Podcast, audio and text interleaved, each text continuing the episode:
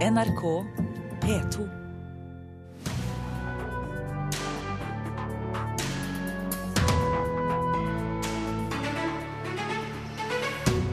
Gravearbeid førte til at DAB og FM-nettet var nede i store deler av landet i går kveld.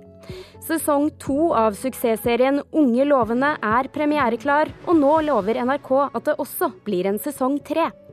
Det rekrutteres for få navngranskere i Norge, og flere steder er studietilbudet lagt ned. Velkommen til Kulturnytt. Mitt navn er Stine Tråholt.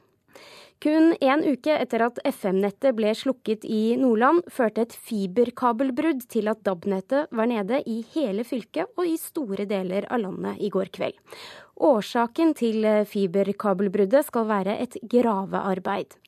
Torbjørn Ødegaard Teigen, administrerende direktør i Nordkring. Dere drifter de fleste sendeinstallasjonene i Norge. Hvordan kunne dette skje? Ja, Vi fikk da et brudd. Først og fremst vil jeg beklage overfor alle lytterne at vi da var ute i litt over tre timer i går. I praksis det som skjedde, var at vi fikk et brudd på en fiber som traff 5% av lytterne på DAB, og som traff lytterne på P4 og Radio Norge. 5 betyr 250 000 nordmenn. Det er mange. Hvordan kunne dette skje? Det, dette er noe som er svært beklagelig, men som skjedde på tross av at vi da har tre parallelle tekniske løsninger for distribusjon av radio til disse 5% av lytterne. Her sviktet alle tre løsningene etter hverandre, og det var da en gravefeil, en menneskelig svikt, til slutt, som da tok den siste løsningen. Ok, Hva skjedde? I praksis så har vi tre fiberføringer frem til Nittedal jordstasjon, hvor dette da viderebringes på satellitt til alle disse små radiosenderne rundt omkring i landet. Det var da i en av grøftene der at man da gravde og, og fikk feil på de to siste. Vi har to ulike grøfter hvor disse fiberne går. Den ene gikk tidligere på dagen, og, den, og, der var det frost, så den må man tine og bli feilrettet i dag. Den andre, hvor de to lå i samme grøft, ble det da en gravefeil, og, og nettet falt ut for disse småstasjonene da kvart over åtte i går kveld. Slik som jeg forstår deg nå, så var det alle de tre på en måte redningsprosjektene falt litt i grus her. Viser ikke det hvor sårbart DAB-nettet nå er? Nå er ikke dette spesifikt DAB-nettet, det var som sagt også P4 og Radio Norge i går. Og DAB-nettet er på mange måter mer robust enn FM-nettet. Dette var et meget uheldig eksempel på det, selvsagt. Men vi har robustifisert utbyggingen sånn at alle stasjonene hvor vi har DAB, så har vi tre veier inn for å få signalene inn. Vi har òg en veldig mye større grad av nødstrøm i form av aggregater på disse stasjonene. Så, så alt i alt så er det DAB-nettet veldig mye mer robust enn FM. Og så fikk vi her beviset på det motsatte, at det fantes da en situasjon hvor alle disse tre veiene inn. Og hvordan kan vi da være trygge nok på at det er robust nok, som du likevel sier? Ja, så det vi gjør nå, at For det første går vi gjennom, ut ifra at det var en menneskelig svikt her, så går vi gjennom alle rutiner for å se om man da kan unngå det. Den neste er at vi nå ser på hele arkitekturen. Er det mulig at vi nå kan få lagt enda en, sånn at vi har fire veier inn på dette punktet, siden det er kritisk når vi får brudd her at det treffer 5% av befolkningen. Så Det jobber vi fort med nå for å få på plass, for dette er helt klart kritisk for å trygge befolkningen på at dette faktisk er oppe og går uansett hva som måtte skje. Tusen takk, Torbjørn Ødegaard Teigen, administrerende direktør i Norkring.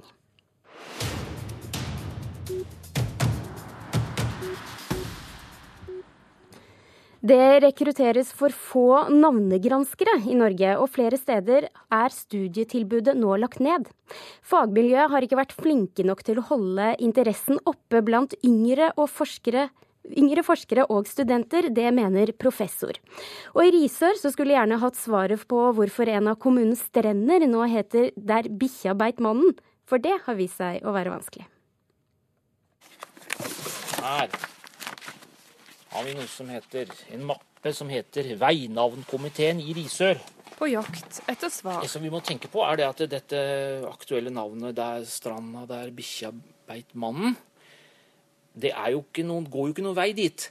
Snorre Øverbø leder arkivavdelingen i fylkesarkivet på Kubun i Arendal, og er en av flere som lurer på hvordan stranda innerst i Sørfjorden i Risør fikk navnet der bikkja beit mannen. Så jeg er jo litt usikkert om veinavnkomiteen for Risør befatta seg med den type stedsnavn.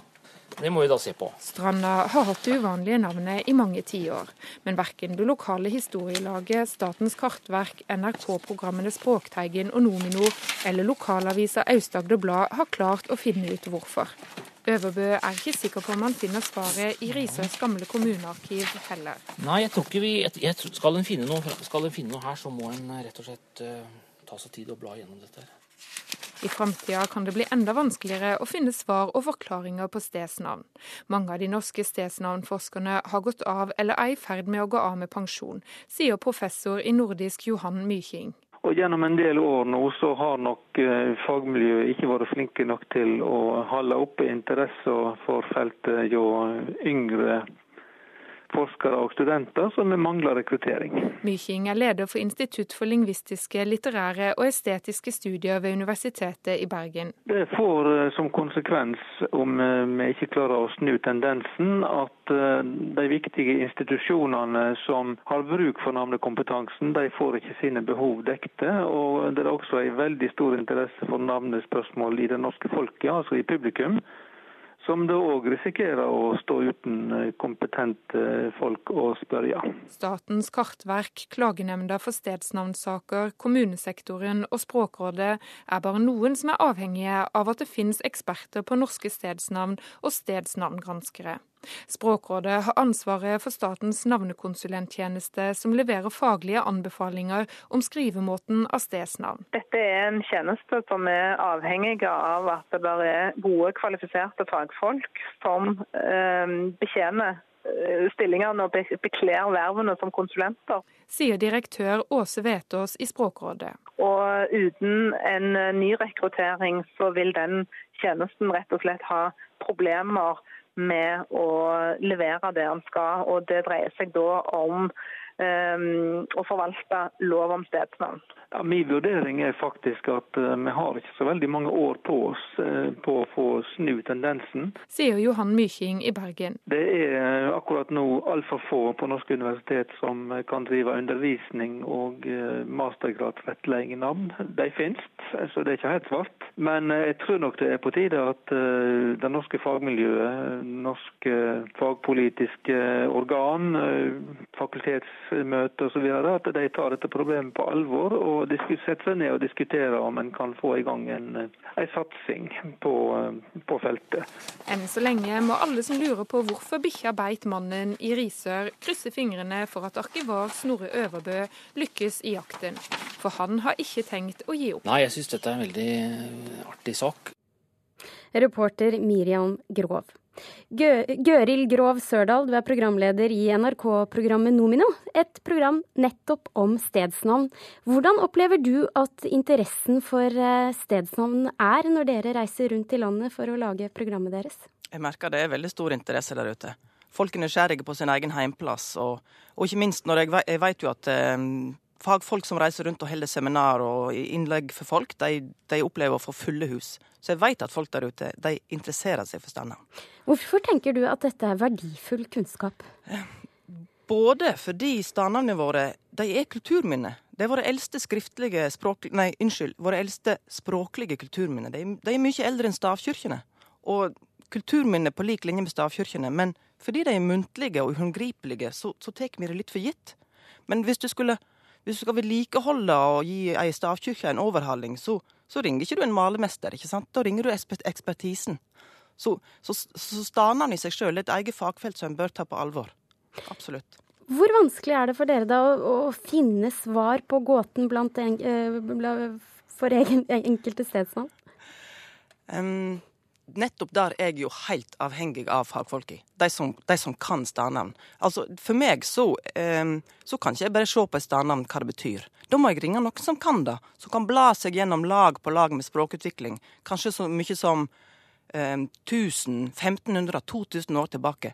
Det kan en ikke gjøre sånn helt uten videre. Da må, da må en kunne faget sitt. Og det er nettopp det stadnavngranskerne kan.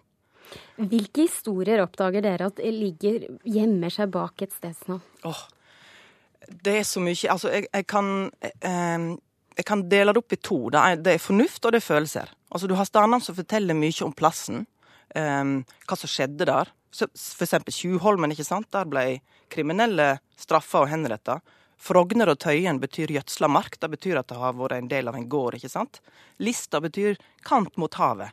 Det forteller noe om hvordan plassen ser ut. Og så har du de fortellingene som vekker sterke følelser. Der eh, vi merker at folk føler at de eier stednavnet sitt, og de knytter veldig stor del av identiteten sin til stednavnet. F.eks. For fordi det er etternavnet deres. Men du har grunneiere som opplever at Kartverket kommer og skal forandre på skrivemåten på deres stednavn. Da blir jo de fly forbanna, ikke sant? Og så kan du reise til Trondheim. Eller heter det Trondhjem? ikke sant? Mm. Der er jo folk veldig opptatt av sitt eget bynavn, men er kanskje ikke like opptatt av at en gang så heter faktisk byen Nidaros. Og det var danskene som forandret det til Trondheim, ikke sant? Ja. Og akkurat nå sitter det masse trøndere og hopper i stolen og sier nei, det heter ikke Nidaros, det heter Trondheim. Avslutningsvis her så må vi innom dette spesielle navnet på stranden i Risør som vi hørte om i reportasjen. Da bikkja beit mannen. Dere også har prøvd å finne sporet på opphavet til dette navnet. Hvordan gikk det? Vi har ikke klart å finne ut noen ting. Og da er egentlig et mysterium i seg sjøl. For når du ser på det navnet, så skjønner du at dette er ikke gammelt. Dette har ikke gått gjennom språkforandringer. Der bikkja beit mannen. Det er en setning som er fullt forståelig for oss. Der, dermed så kan det ikke være så veldig gammelt. Men Jeg er så nysgjerrig på det navnet. Hvem var det som beit, og hva fortjente det å bli bitt? Hvem sin hund var det? ikke sant? Når skjedde det? Hvorfor ble det et stednavn? Jeg er veldig nysgjerrig. Gøril Grov Sørdal, tusen takk for at du var med i Kulturnytt.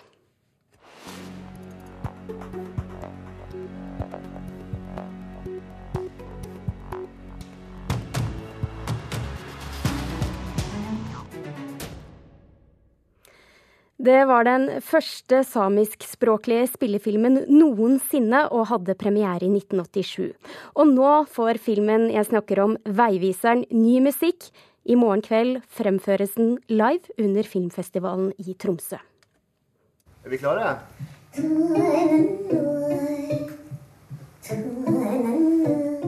Fem unge musikere har øynene fokusert på en TV-skjerm mens de øver. I år er det 30 år siden premieren på den samiske filmen 'Veiviseren'.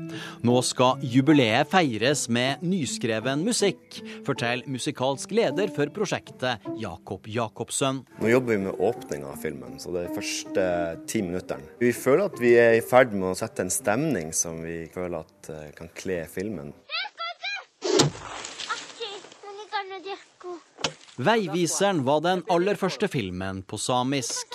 Den var regissert av Nils Gaup og ble Norges første Oscar-nominerte film siden Ni liv på 50-tallet. Nå får publikum i Tromsø et gjensyn med filmen, men altså i en litt annen versjon enn originalen.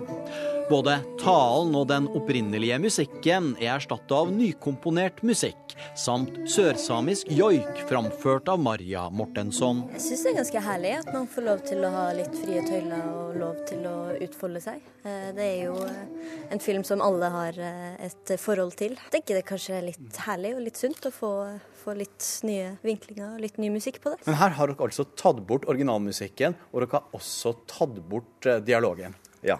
Det er en såpass gammel film at du kan ikke ha musikken og talen samtidig. Men samtidig så gjør det også en fin ramme ved å ikke ha talen, fordi at du setter stemninga med Maria sitt uh, sørsamiske språk og, og uh, musikken som vi gjør sammen. Vi får se om vi lykkes med det på fredag, da. Det gjenstår å se. Spesialvisninga av Veiviseren inngår i en større kontekst. I år er det nemlig 100 år siden det første samiske landsmøtet, som senere danna grunnlag for samenes nasjonaldag. Det markerer filmfestivalen i Tromsø med flere samiske filmer på programmet og med Veiviseren i ny versjon som prikken over i-en, forteller festivalsjef Marta Otte. Det er en måte å kommentere endringer i identitet på, tenker vi. Altså i litt sånn overført betydning. Tanken bak er å bringe det inn i samtida, på en måte. Jeg snakka med den eneste gjenlevende musiker som komponist som var involvert med Veiviseren, og han syntes det var kjempespennende. Han ønsker oss lykke til. Fredag kveld blir det altså gjensyn med Veiviseren, eller Åfe-Lars som den heter på samisk.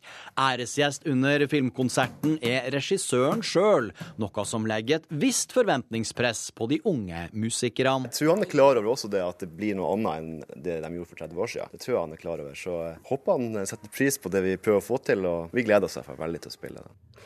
Reporter Rune Norgård Andresen. Du hører på Kulturnytt, og klokken er nå 18 minutter over åtte. Dette er nyhetsoverskriftene denne morgenen. Vi drikker mindre alkohol enn før, det viser nye tall fra Folkehelseinstituttet. Nato registrerte mer enn 500 dataangrep hver måned i året som gikk. Generalsekretær Jens Stoltenberg vil ta dataangrepene opp på neste Nato-toppmøte. Det er sendt ut obs-varsel for de tre nordligste fylkene i dag. Det er kolonnekjøring på E6 over Saltfjellet, og flere ferger ligger til kai. De har allerede sagt at de føler et enormt press for å leve opp til seernes forventninger. Det er over ett år siden første sesong av dramaserien Unge lovende ble sendt, og i morgen har den nye sesongen premiere. Her er en liten smakebit. Jeg eh, ble dumpa her om dagen, faktisk. Når jeg sier det til vennene mine, så blir de veldig sånn Å, herregud. Vet du ikke hva han går glipp av? Så tenker jeg eh, Det er jo faktisk akkurat det han gjør. Fortjener mye bedre enn det. Altså, noen har sett litt, likte det ikke så godt, vil ikke ha mer.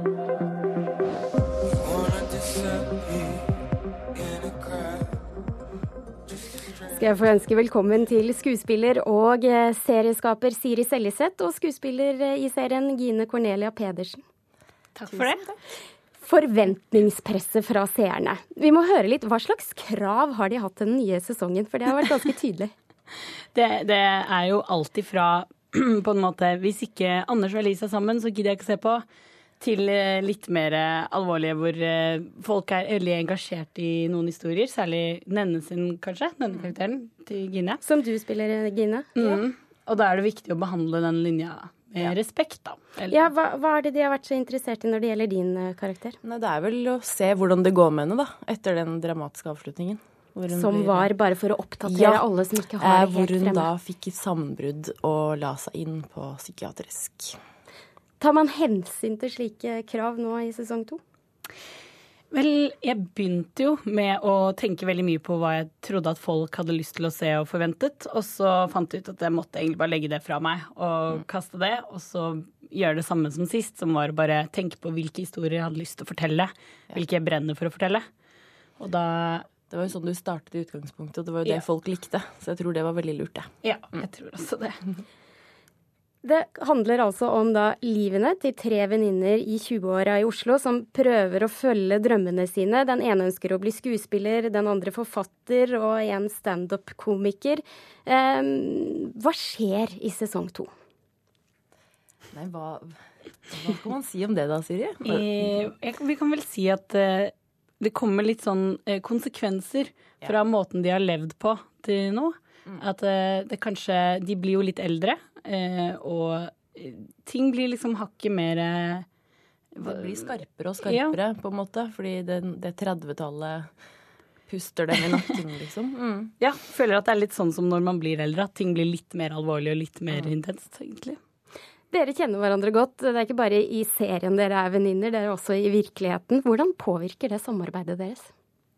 Jeg har egentlig følt at det har vært veldig profesjonelt. Ja. Det er selvfølgelig bare sånn man slipper den ekstra å bli kjent-biten. Man, man, har en lang historie sammen. Det kan hende at det syns, men uh... Ja, det er det. Og så er det Jeg stoler jo veldig på både Gine og Alex og er veldig um, Har mye respekt for dem. Mm. Uh, og da er det liksom bare en fryd å få skrive for dem. Ja. Og jeg vet at de kan gjøre akkurat det men og gjør... spille for det, deg, jeg si. For, spille det du skriver, da. Er, også, vi har nok en ganske sånn bunnløs tillit til hverandre.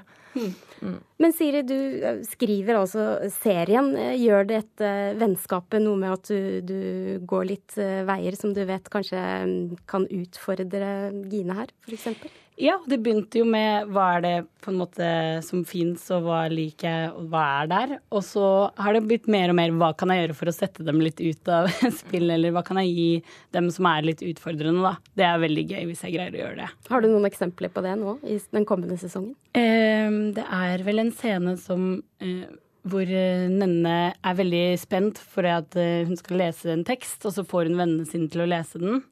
Eh, og da ba jo jeg Gine om å komme med sin egen tekst. Eh, det er jo en liten utfordring, da. Du, ja. Kan du dele dette?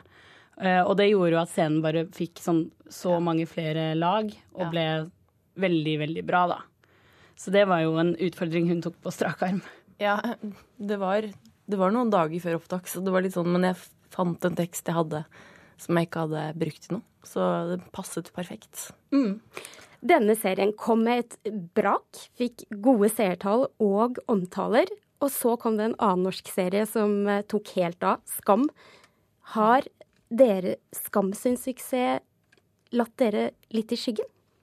Det føler jeg ikke, faktisk. Uh... Nei, jeg vet at folk vil at vi skal se på det sånn. yeah. Uh, men vi føler det virkelig ikke sånn. Vi er veldig glad for at den serien er kommet, og skulle ønske vi hadde den selv da yeah. vi var yngre. Ja og føler at eh, vi bygger jo hverandre opp. Vi mm. lager et bredere bilde av hva det er å være eh, jente og kvinne og ung i forskjellige faser av livet. Mm. Så egentlig syns jeg bare vi utfyller hverandre.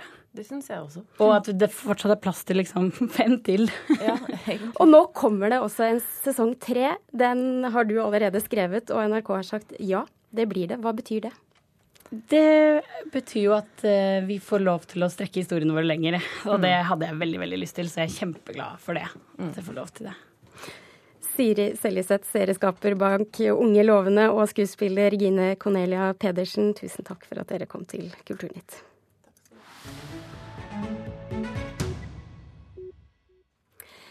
Du har sikkert hørt henne i flere forskjellige NRK-programmer. Fredsforsker Cecilie Hellestveit med doktorgrad i folkerett og borgerkriger med Midtøsten som sitt spesialfagfelt. Nå har hun skrevet boken 'Syria en stor krig i en liten verden', og hun forteller her om hvorfor og hvordan borgerkrigen brøt ut, og aktørene som eh, kjemper bak om makt, om makt og innflytelse i regionen. Litteraturkritiker Knut Hoem, du har lest boken. Syns du hun lykkes? Ja, jeg syns hun lykkes bedre enn den litt trauste tittelen skulle tilsi. Eh, en overskrift på boken kunne også vært eh, sitatet til Barack Obama, en av aktørene her, om at 'everything in the Middle East is connected'. Alt i Midtøsten henger sammen. Eh, det er på en måte de indre og ytre faktorene som førte til borgerkrigen som Hellestveit nøster i, nøster i, og det åpner forrykende med at hun tar oss med på en slags guidet tur gjennom det politiske geografien i Syria. altså fra vestprovinsene hvor alawittene holder til, der hvor altså Assad-familien, eh, den gruppen som Assad-familien tilhører, altså til Golan og Dara i sør, hvor drusene holder til, og kurderne i nord. Og når vi har vært igjennom denne her rundreisen i landet, så er vi ganske godt skodd for å skjønne hvorfor eh, denne borgerkrigen brøt løs. Hva er den viktigste årsaken til eh, krigen i Syria, ifølge Hellestveit i denne boka? Ja, da er det nok en gang indre og ytre faktorer. Det indre handler jo om det som, har som en CIA-rapport sa allerede i 1980, nemlig det at det å tilhøre en sjiamuslimsk minoritet, som Assad-familien gjør, alawittene er jo en del av en avart av shia-muslimsk eh, islam, eh, i et land der nesten alle er sunni-muslimer, det ville på et eller annet tidspunkt føre til eksplosjon. Det skrev de allerede i 1980, og det skjedde jo også. Og i, utenfor landet så er det konflikten mellom eh, Iran og Saudi-Arabia. Nok en gang den samme konflikten som Hellestveit trekker fram. Og boka til Hellestveit er ikke den eneste boken om Syria som kommer ut i år. Men hva er det særegne med denne? Veldig mange av syriabøkene befinner seg på bakkenivå. Eh, det er rapporter fra journalister og forfattere som skriver med enkeltskjebner i fokus. Hellestveit gjør det motsatte. Hun flyr høyt over dette med en ganske sånn egentlig tradisjonelle allmenn eh, fortellerstemme som på en måte ser det hele fra luften og gir et slags overblikk. Og akkurat nå, når vi har sett alle de tragiske skjebnene og fått så mange fortellinger fra bakken, så er det egentlig ganske befriende å, å ha et forskerperspektiv som ser det hele med distanse, og som er i stand til på en litt sånn syrlig måte å, å, å identifisere de ulike interessene i dette her spillet. Ja, hvorfor tenker du at dette er viktig? Nei, jeg tenker at eh, Det er kanskje nettopp det vi trenger nå. Vi trenger overblikk. Vi trenger å se på hvordan de ulike statene agerte her. Eh, jeg syns hun eh, Jeg lærte utrolig mye underveis, må jeg si. Jeg skulle ønske kanskje at hun hadde gått gjennom boken enda en gang og strammet den litt inn. Vi får etter hvert her nesten Altså, Vi får konflikten mellom eh, Iran i forhold til de ulike motstanderne. Den går, den går etter hvert veldig detaljert til verks også om nabolandene. Her kunne hun kanskje holdt seg litt tettere på Syria. Hun forteller historien om Assad-familien og hvordan den vokste fram, men kanskje enda mer kunne ønske meg at hun fortalte også om det eh, panarabiske sosialistiske prosjektet som Assad-familien sprang ut fra, som jo var veldig spesielt, og som de hadde felles med Saddam Husseins eh, Irak. Og så er det det da, For det allmenne publikummet, blir dette for akademisk? Jeg syns ikke det. Jeg er jo ikke spesielt eh, Jeg er jo bare en allment interessert eh, leser, eh, jeg også. Og jeg henger veldig godt med i Hellestveits tekst. Jeg syns hun bruker ordet sekterisk litt veldig mange ganger. hele 58 ganger i løpet av boken. Det kunne vært litt færre. Det betyr jo konflikter innenfor trosretninger, men det er jo klart at en del av bildet her er jo nettopp at det er veldig mye konflikter innenfor veldig mange trosretninger. Knut Hoem, litteraturkritiker i NRK, tusen takk for at du fortalte oss om den nye boka til Cecilie Hellestveit, 'Syria om, om Syria'. Denne sendingen er over. Thomas Alverstein Ove hadde produsentansvar. Hør flere podkaster på nrk.no podkast.